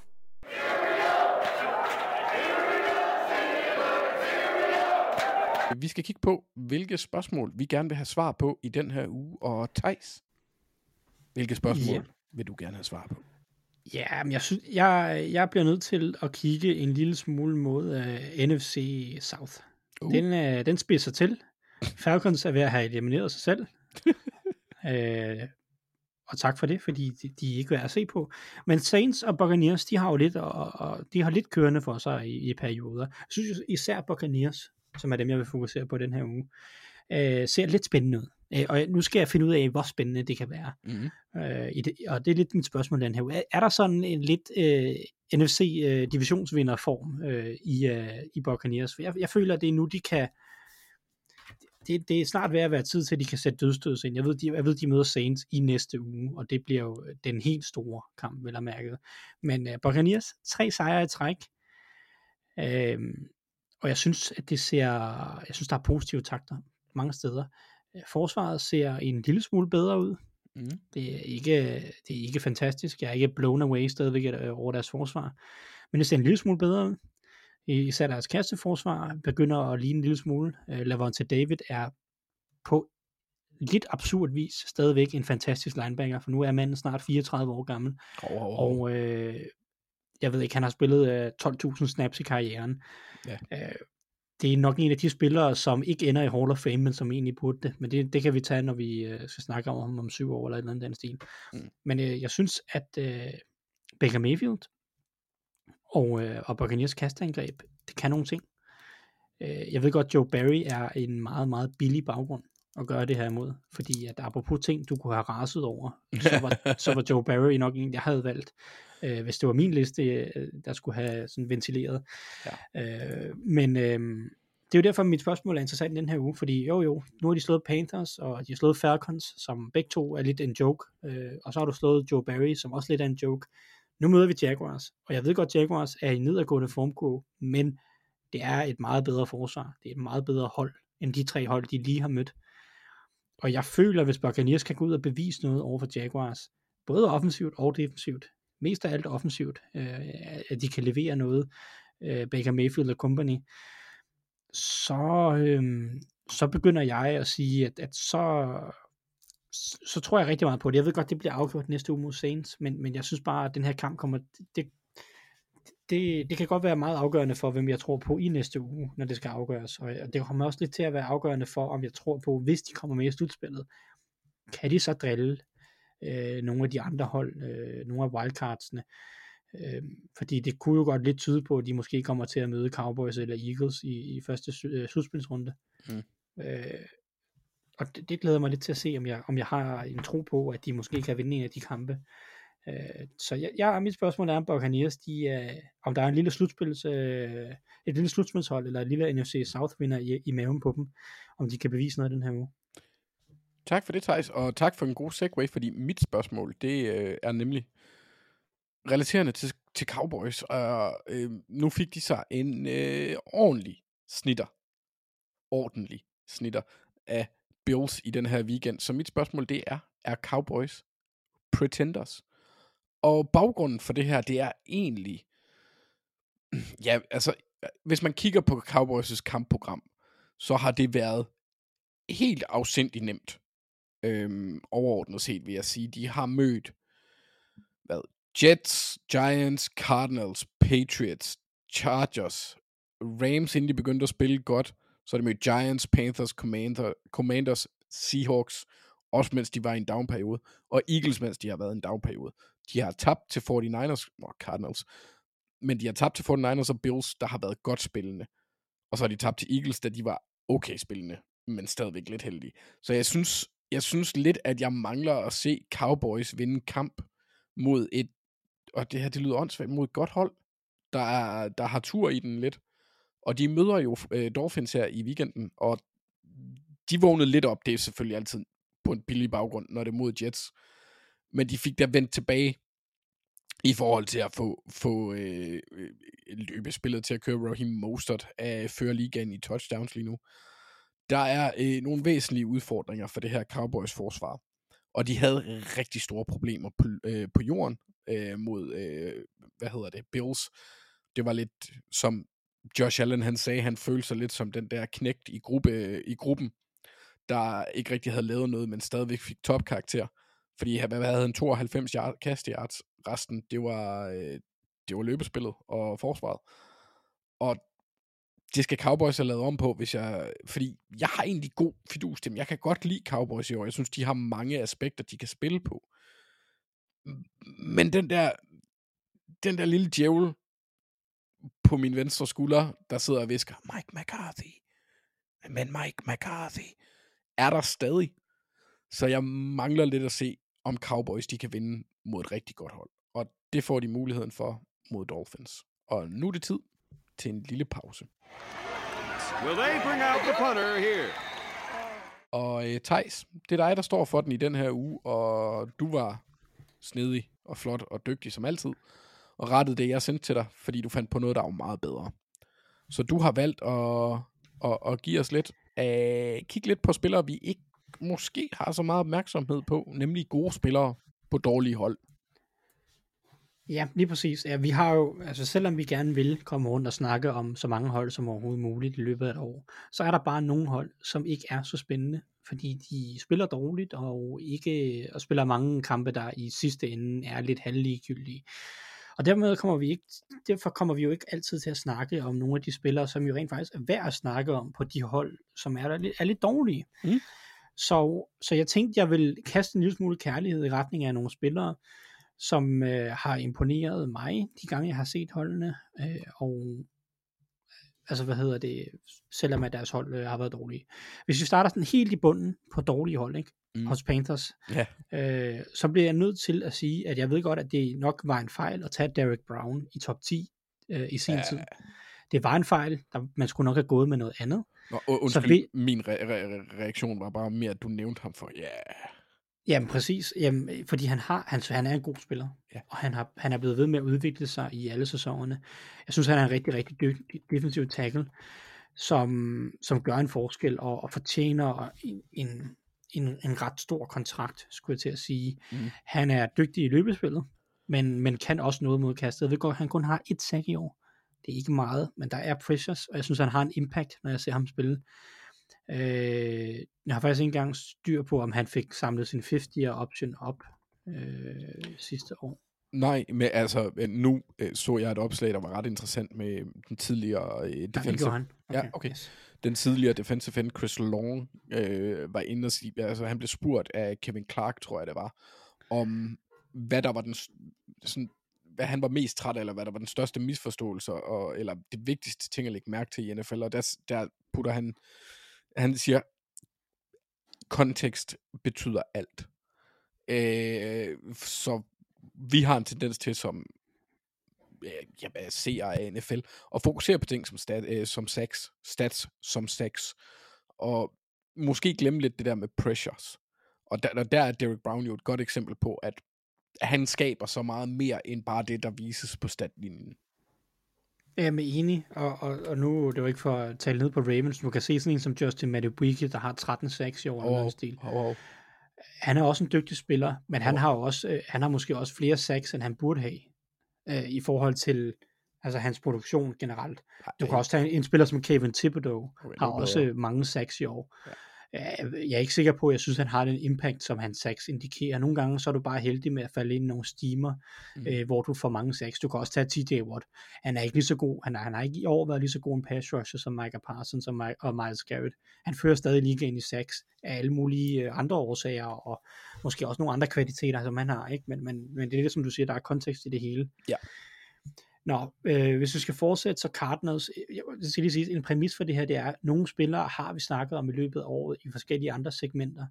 Dem springer jeg sådan lidt mere let og elegant henover, fordi jeg vil gerne prøve at vise, øh, øh, eller sætte fokus på nogle spillere, som vi ikke har snakket så meget om. Ja. Øh, jeg vil sige, James Conner har vi snakket om, mega undervurderet sæson, han har gang i. Det synes jeg bare er lidt vildt, og det bliver vi simpelthen nødt til ikke at glemme, at en 28-29-årig running back som James Conner, der har været i ligaen i mange år, har gang i en pissefed sæson. Så jeg er lidt i tvivl om, hvor mange der har opdaget, hvor god Trey McBride egentlig er. Fordi at her snakker vi om en spiller, som jeg synes, lige nu spiller han som en top 5 tight end i ligaen. I'm sorry to say it. Jeg ved godt, at, øh, at, der er mange gode tight ends i ligaen, men han spiller bank med godt. Og øh, jeg, jeg glæder mig meget til at se, hvad han kan drive det til. Og så er der min altid favoritten, Jalen Thompson, som jeg bare synes er en god safety. Mm. Øh, hos Patriots, Christian Barmore Ja. var egentlig en spiller, som jeg lidt troede var på vej mod bust-status. Jeg synes i år, han har vist meget, meget flotte kvaliteter som pass rusher. Han har stadig nogle problemer med løbet, det tror jeg altid, han vil komme til at have. Men som pass rusher, så, så er han en, en virkelig kvalitetsspiller indvendigt på den defensive linje. Øh, så vil jeg også sige meget overraskende, Jelani Tavai og Mm. Jabril Peppers hos øh, Patriots. Det er ikke tilfældigt, der ikke er nogen angrebsspillere på den her liste for Patriots. I'm sorry. Ja. Men, men uh, Jelani Tavai og Jabril Peppers har overrasket mig rigtig meget. Øh, sådan lidt outcast hos andre hold, som har fundet en rigtig, rigtig god rolle hos Patriots og gjort det godt. Ja, min, min kæreste var også, øh, vi- sad og så Red Zone i weekenden, og hun sagde, det var ham fra Hawaii, så sagde jeg, han hedder også Hawaii, jeg tror, han er fra Hawaii. Er han? Ja, jeg dømmer ham bare på håret, sagde hun, men øh, ja, hun, hun, var også, hun var også flad af grin, fordi hun så Jordan Whitehead, der stod Whitehead, så, så grinede hun bare, og, og så sagde hun, har han ikke set sig selv i spejlet? Og så, og så, og så ja, så stoppede det der. Ja. Ja, ja det var også Men, men ja, øh, men Jala, øh, Giovanni Tavai, øh, det, men det, der kan man jo så sige, det er noget af det, som Patri, øh, Bill Belichick han altid har været god til, det er at finde lidt øh, outcasts, og så finde en rolle til dem, og få dem til at præstere bedre, end de har gjort tidligere. Ja, så han mangler, han mangler mere bare evnen at, at kunne gøre det på angrebet. Er. øhm, nå, jeg har to spillere mere med, og det ene er for Commanders, og den anden er for Giants. Uh. Øh, hos Commanders, Samuel Cosme, eller Sam Cosme. Uh, ja. Øh, egentlig en tackle ud af college. Jeg troede egentlig også, han skulle være tackle i NFL. Han er, flyt, han er blevet flyttet ind som højre guard. Mm. Øh, har, har haft en rigtig flot sæson. Øh, måske øh, den bedste offensive spiller hos Commanders i år. Øh, I forhold til forventningerne i hvert fald. Sådan en af Ja. de få positive overraskelser. Og han er vel gået ind Øh. og taget over efter Brandon Scherf, så der røg til Jacksonville. Ja, præcis. Uh, han er en spiller, som jeg virkelig håber, Commanders kommer til at gøre meget for at holde fast i, fordi de har brug for at bygge et eller andet op. Uh, hos Giants, en spiller, som faktisk er free agent, som jeg glæder mig lidt til at se, om der er nogle hold, der kan få uh, god uh, brug af, det er Xavier McKinney, Mm, safety også.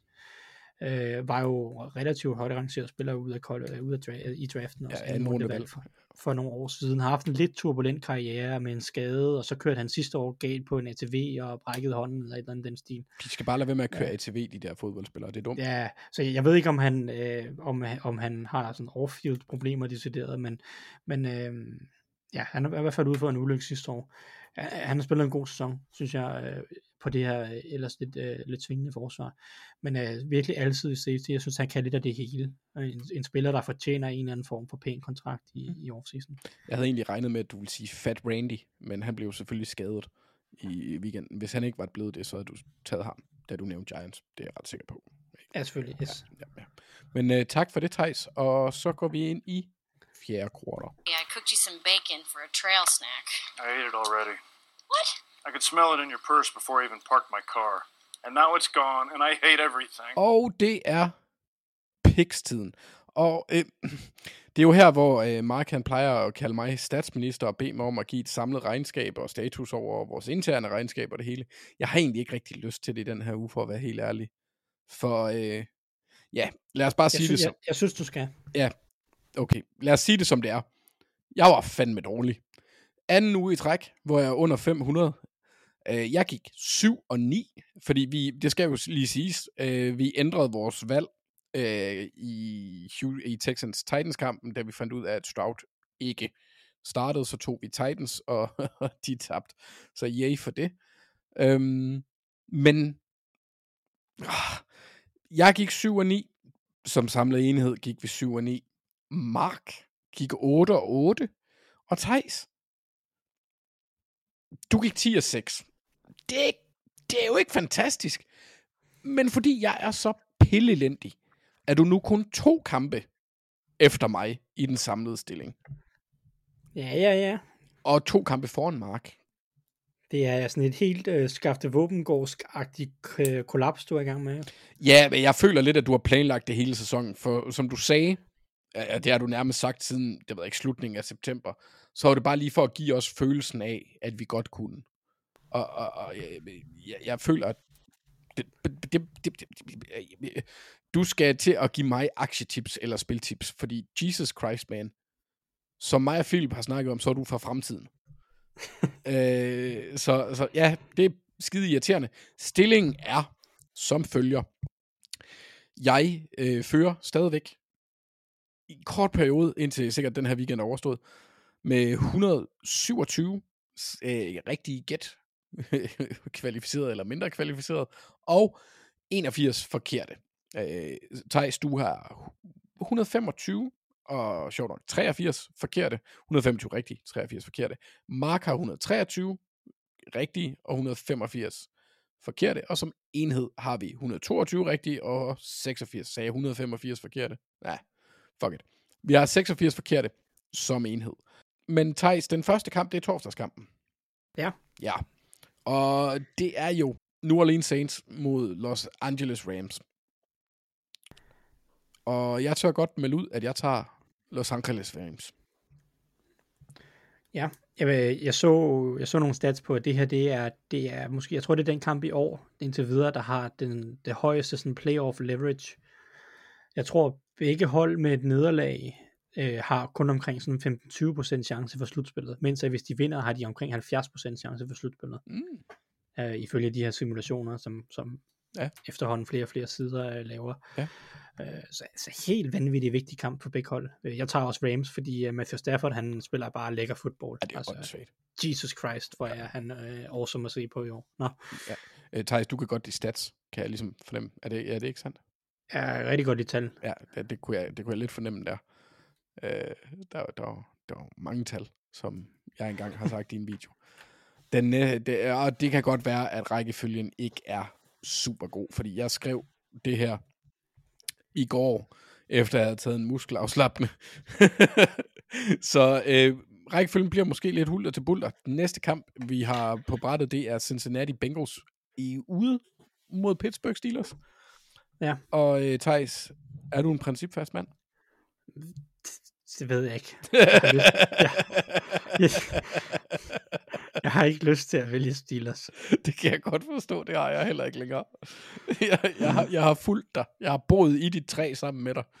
Men øh, Det er jeg, så tungt at se på. Men det er også meget sjovere, det er meget sjovere at vælge imod Steelers, fordi at de vandt mange flere kampe, da jeg gjorde det. ja, og nu, nu starter de jo Mason Rudolph i juledagene til med, ikke? Altså, kan det Ja, blive altså, mere det, det, natten til den 24. Øh, skal Mason Rudolph på banen. Ja. Altså det, øh, det er jo sådan lidt, lidt et uh, Christmas fairy tale. Nå, øh, det, jeg går med Bengals, fordi jeg, jeg bliver simpelthen nødt til at, at lade være med at obstruere mig selv i alt, hvad jeg gør omkring øh, Steelers og picks. Øh, og, og Bengals, de ligner et fodboldhold, og Steelers, de ligner, jeg ved ikke hvad. Så. Ja, det, den er svær. Men øh, altså, jeg vil også sige, Mitch Trubisky, der er, at hun hedder Annie Agar, hun havde en meget sjov skit med det, hvor at han, han det er tredje og to, hvad gør du Mitch, og siger hun, vil du se øh, mig forsøge det længste kast nogensinde. Han er bare, han er, han er ikke, han er ikke en NFL-starter. Øh, Nej, det er, det er han virkelig ikke, og jeg, jeg, jeg synes også, han er ulidelig at se på. Jeg synes, Ja. hans, øh, ja, jeg, jeg, jeg tror, det bliver mere, øh, jeg tror, det bliver bedre med Mason Rudolph, fordi han, han langt hen ad vejen vil prøve at gøre, hvad det er, han får besked på. Ja. Øh, så ja. Yes. Øh, så vi går med Cincinnati Bengals som enhed. Øhm, den næste kamp, jeg har skrevet ned, det er Buffalo Bills mod Los Angeles Chargers, og her tænker jeg, at jeg får lov at vælge først. Øh, Nå, det, det, det tør du godt. Ja, jamen, jeg er meget modig. Det er, øh, det er sådan noget, jeg kan. Øh, fordi Bills, ej, den, den, den er ikke svær, den her for mig at vælge. Det kan godt være, den ender anderledes, men som udgangspunkt, Buffalo Bills, jeg tager dem. De er øh, i, i en skræmmende opadgående formkurve. Øh, hvis de får løbespillet til at fungere lige så godt, som de gjorde mod Cowboys, så bliver det en af de mest uhyggelige hold i AFC. Det er et rigtig godt tidspunkt, de har fået vendt øh, skuden på, og de begynder at se farlige ud, hvis de når playoffs. De skal stadigvæk nå playoffs, men de begynder at se farlige ud. Så jeg tager Bills, og tager ikke for at tage valget for dig, men det tænker jeg også, du gør. Det gør jeg. Og så den næste kamp, det er Colts øh, ude mod Falcons, og jeg har egentlig skrevet Colts ned, men samtidig så har jeg også lidt på fornemmelsen, at Arthur Smith godt kunne være så pisse irriterende, faktisk at vinde den her kamp. Bare for at være træls. Ja, men jeg synes, du skal tage dem. Det gør jeg ikke, jeg tager Colts. Okay. Satans. Ej, jeg, jeg tager også coach. Jeg er faktisk ikke i tvivl, fordi jeg tror, jeg tror, truppen har givet op på, at de ikke har noget kastangreb. Altså. Ja, det er, og som jeg sagde tidligere, så starter Falcons, de skifter igen til Heineke. Øh, jeg ved ikke. Nej. Nej, det her, det er... det, det, det har virket lidt lige meget, hvem der har været quarterback der. Jeg tror også, Arthur Smith han er i gang med at give sig selv dødstødet der.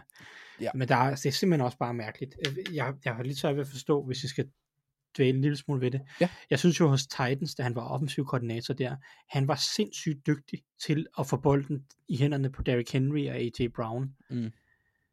Og, og, og så, jeg synes, der var så mange skimede spil til AJ Brown, og han var så integreret en del af deres angreb. Og her hos Falcons, han kan ikke finde ud af at få involveret Carl Pitts, han kan ikke finde ud af at få involveret Drake London, han kan ikke finde ud af at få involveret Bijan Robinson, som jo er deres tre mest eksplosive og dynamiske playmakere.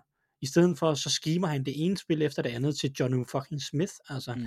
Og al respekt for John Smith, som jo er en okay NFL-spiller, jeg, jeg forstår det bare ikke. Øh, og jeg synes, jeg, jeg, jeg, ved, jeg forstår heller ikke Arthur Smith. Øh, Nej. så ja. ja. Og på den anden side, så Shane Steichen, jeg synes, han har gjort et, øh, altså et fremragende stykke arbejde. Man kan også godt se, at, at Eagles mangler ham og savner ham.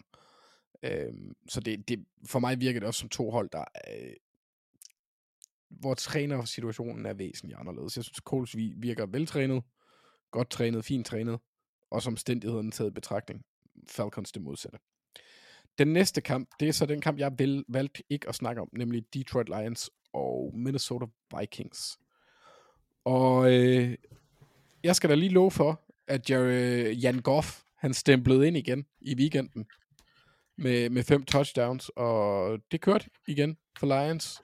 Øhm, there's a tra- freight train coming your way, som han engang har sagt, og igen, så vil jeg lige anbefale folk, hvis de kan finde den video, øh, inde på Mathias, vores øh, gode, gode ven og tidligere kollega, har, har lagt op for øh, snart et år siden, hvor øh, han har, øh, hvad hedder det, Dan Campbells en, en tale til holdet med en. Den er skide sjov. Jeg vrøvler, jeg tager Detroit Lions. ja, det gør jeg også. For Ja, jeg tror, jeg tror bare, Vikings, øh, de, de mangler bare en quarterback. Ikke? ja, Altså, de der- har ikke rigtig noget angreb lige nu. Så, Det altså, er for tungt. den næste kamp, det er Washington Commanders mod New York Jets. Og Thijs, du må gerne vælge først nu. Nå, nu må jeg gerne. Jamen, jeg, har, jeg har skrevet det ned, øh, og jeg kan Mm, også godt ja, sige det, hvis ja. det er sådan, du er bange for Nej, det at, at, at, tage til den. Jeg, jeg er ikke bange, fordi jeg har taget en beslutning, og det er, at jeg går med Commanders. Jamen, øh, Thijs, det skal du vide. Det har jeg også, fordi jeg tør med ikke sats på Jets. Det, er altså, det, er, Nej, det, det er lidt, øh, det er jo for, det er jo for ynkeligt, det er deres angreb, øh, Jets. ja, det er helt og der- fuldstændig jammerligt. Der føler jeg alligevel, at, at Commanders kan skabe nogle, nogle, nogle offensive spil. Øh, deres forsvar, jeg så for det er jo, øh, det er jo det dårligste angreb i ligaen, Jets, mod det dårligste forsvar i ligaen, det er Commanders. Så øh, det, det er jo sådan, uh, someone's gotta give. Ja, ja, og det, man, man kan jo så sige, på den positive side for Commanders, der har et elendigt kasteforsvar, øh, og problemer med opdækning, så er, ja, altså, hvem er de møder Trevor Simeon, øjensynligt, eller Zach Wilson, jeg kan ikke engang huske, bliver han ikke skadet igen? Jamen, er, er det ikke snart tid til at sætte Fireman 1 på banen? Altså? oh, eller, eller Joe Douglas han selv kan tage teten, inden han bliver fyret, for det kan man også sige, det er altså også en træner, øh, GM du, der sidder på kanten af sædet, vil jeg sige. Det eneste, der måske kan redde de to, det er, at Aaron Rodgers han kommer tilbage, så de vil ikke lave for mange øh, ændringer på holdet, kunne jeg forestille mig. Ja. Øhm, men øh, vi går med Washington Commanders, og det gør vi også som enhed. Næste kamp, Green Bay Packers mod Carolina Panthers. Og jeg har tidligere sagt, jeg tror det var i sidste uge, jeg tager ikke Panthers, og det gør jeg heller ikke. Fordi nu sagde du godt nok, at Jets havde det dårligste angreb, og Washington Commanders havde det dårligste forsvar. Jeg vil sige, at den her kamp, den kandiderer til at have den samme kombination med, med, med Panthers angreb og Packers forsvar. Dertil tror jeg så, at Packers angreb er så meget bedre, at de burde, de burde ikke tabe til øh, Panthers, så jeg tager Green Bay Packers. Jeg er enig, jeg går også med Packers, selvom det, vi var lige klar til, og, og sådan så småt havde vi fyret lidt op under det der Packers uh, hype train, og så øh, har de bare fået taber til Giants, og så fik de jo klø i weekenden i virkeligheden. Det er lidt, lidt skuffende, så den, øh, og Jordan Love er også bare, det, det punkteret rigtig hurtigt, ja. så jeg går også med, hvad hedder det, ja, jeg går med Packers, men øh. Så, to, så tror jeg også, at vi gjorde det, som mange Packers fans, fans rigtig gerne ville. Øh, vi glemte Joe Barry. Um, og det tænker jeg også, de gerne vil. Ja. Vi Cleveland Browns mod Houston Texans, der gik vi med Browns. Den næste kamp, det er Jacksonville mod Tampa Bay. Og Thijs, den snakkede du jo lidt om. Ja. Så... Jamen, øh, så, jamen, jeg tager gerne til den her. Ja. Jeg er meget i tvivl, fordi det, problemet med Jaguars, det er, at Trevor Lawrence er lidt småskadet, og hele Jaguars angreb er bygget op omkring, at han skal være sådan tæt på perfekt, fordi de kan ikke løbe bolden, receiverne er ikke super inspirerende, schemet er også sådan lidt lunken, synes jeg. Mm. Øhm, så det... Forsvaret er faldet i niveau. Ja. Øhm, jeg, jeg tror, jeg går med... Jeg tror, jeg går med Buccaneers i virkeligheden. Øh, så tager jeg sgu også Buccaneers. Det, jeg synes, de har ramt mig i numsen for ofte i år, hvor jeg har valgt imod dem. Så derfor bliver det også dem for mit vedkommende i denne her omgang. Den næste kamp, det er en kamp, vi var inde på lige kort tidligere. Det er Arizona Cardinals mod Chicago Bears. Og jeg går med Chicago Bears tights. De burde egentlig have vundet mod Browns, hvis, øh, hvis øh, Bears' øh, receivers og tight ends havde hænder og gad at gribe bolden. Så det tror jeg på, at de gør mod Cardinals. Ja. Jeg er meget i tvivl her faktisk. Ja, men jeg er egentlig enig. Jeg kunne også godt se det her som en kamp, hvor Kyler Murray, han Kyler Murray og den. Og, ja. ja. Men jeg synes bare også, at som du også nævnte tidligere, Chicagos forsvar har været i, på en opadgående kurve. Ja, men, men det, jeg er også bare i tvivl om, om, om det kan, det, kan det her have ligesom have været dødstødet øh, for dem på en eller anden måde. Ikke? Altså, at, at give luften af ballonen, da de tabte den her kamp. Øh, fordi der var måske en eller anden, et eller andet form for håb, hvis de kunne have slået Browns. Ikke? Øh, det, det er jeg også lidt i tvivl om, om det er sådan en kamp, hvor de kommer ud af en lille smule flade, fordi at, okay, så gik den ikke længere. Jeg, jeg, jeg går sgu med Cardinals. Det er en chance, jeg er villig til at tage. Ja, for helvede. Jeg kan ikke lide det, Thijs. Jeg Nej. kan ikke lide det. Den næste kamp, det er Dallas Cowboys mod øhm, Miami Dolphins. Og øh, Thijs, den får du mm. lov til at vælge først. Ja, meget i tvivl igen. Ja. Fordi det er to hold faktisk. Du, nu snakker du om, om Cowboys er pretenders. Mm. Du kunne næsten have vendt den 180 grader. Ja, bestemt. Fordi Dolphins mangler også den her øh, signatursejr, øh, hvor de slår et godt hold, som også er i form. Så på den måde bliver det en, en sindssygt interessant kamp. Mm. Øh, hvilke af de her angreb kan præstere mod, øh, øh, ja, eller kan være afgørende, kampafgørende, mest kampafgørende. Jeg, jeg tror, at jeg går med Dolphins. Jeg kan ikke helt forklare, hvorfor. Det er sikkert en fejl. Undskyld, Dak Prescott. Øhm, jeg går med Dolphins. Vil, du, vil du have noget overraskende, Thijs? Dem har jeg faktisk også valgt. Satans. Og jeg, jeg kan Der, ikke... der, er altså, der er nogle muligheder her for, at Mark han kan... Jamen, det skal der også være. Han er også lige blevet far. Han må godt, han, han, vi må godt give ham nogle godbidder en gang imellem. sandt. Men, men, men jeg, det kan også godt være, at jeg skal sige til ham, at han skal sende mig de der pics i aften, så han ikke når at høre øh, afsnittet igennem inden. Øh, Ja, det, det kan også være. Han skal i hvert fald sende uh, Thursday Night Football. Uh, nej, det, det er selvfølgelig, den kommer i morgen. Ja. Ja. Det er onsdag dag. Det er der med ugedagen, ikke? men men Nå. på den anden side, så er Mark også så ringe til pics, at det er fint nok, han har en fordel en gang imellem. Ja, jamen, det kan godt være, at han, han selv hvis han sender det fredag, han stadig tager fejl på torsdagskampen. Altså. Ja, det er meget sandsynligt. Jeg vil, også, øh, jeg vil også lige sige, at jeg synes faktisk, det er godt klaret af os, at i forhold til, og det er nok fordi, han lige er blevet far, altså, så har vi kun øh, været efter Mark en gang, når han ikke er med. Og vi har ikke engang svinet Vikings, udover at vi sagde, at de ikke har noget angreb. Men, men det, det, synes jeg faktisk, vi har været søde der. Øh, Ja. Jamen, det er sådan lidt uh, holiday spirit. Uh, Tillykke med det? sønnen Ja. tilgangen. lidt god julestemning her, ikke? Jamen, det er dejligt. Den næste kamp er så øh, øh, indbegrebet af dårlig stemning for mig. Patriots mod Denver. Øh, jeg har taget Denver Broncos, og det er egentlig mest af alt, fordi at jeg stadigvæk er af den holdning, at Patriots det er stedet, hvor underholdning dør. Jeg, jeg, jeg kan ikke lide den. Nej. Nej. Ej, men det, øh, nej, øh, det er heller ikke en kamp, øh, jeg har store tanker om. Men ja, det,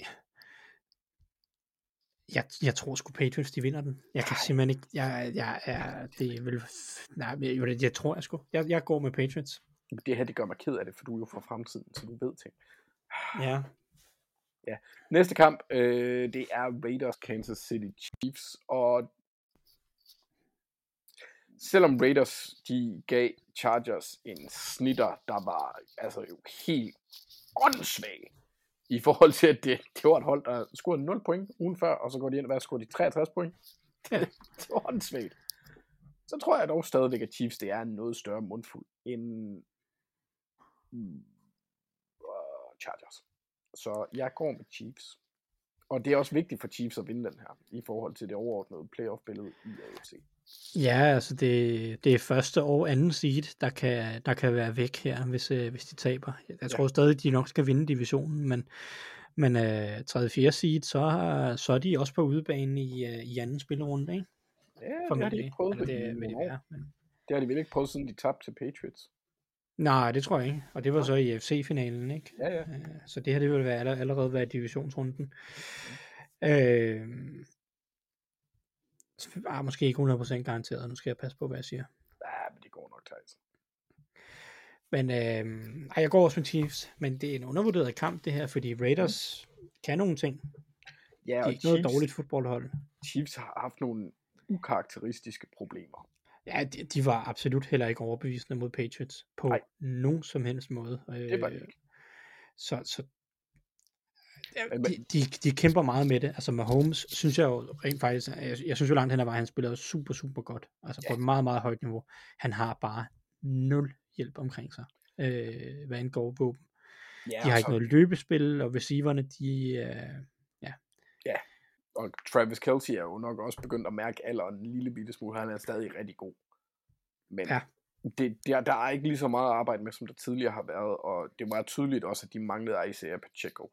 Øh, min gamle draft darling Clyde, Edward uh, he ain't it. Det er han bare ikke. Så, øh, men vi går med Chiefs.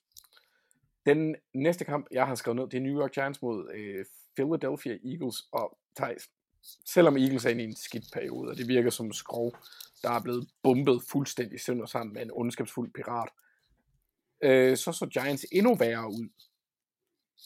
Mm, øh, øh, og, og jeg var faktisk pisse træt af det, fordi mod New, New Orleans Saints, som jeg også synes lignede røv, men det gjorde de så ikke i den her kamp.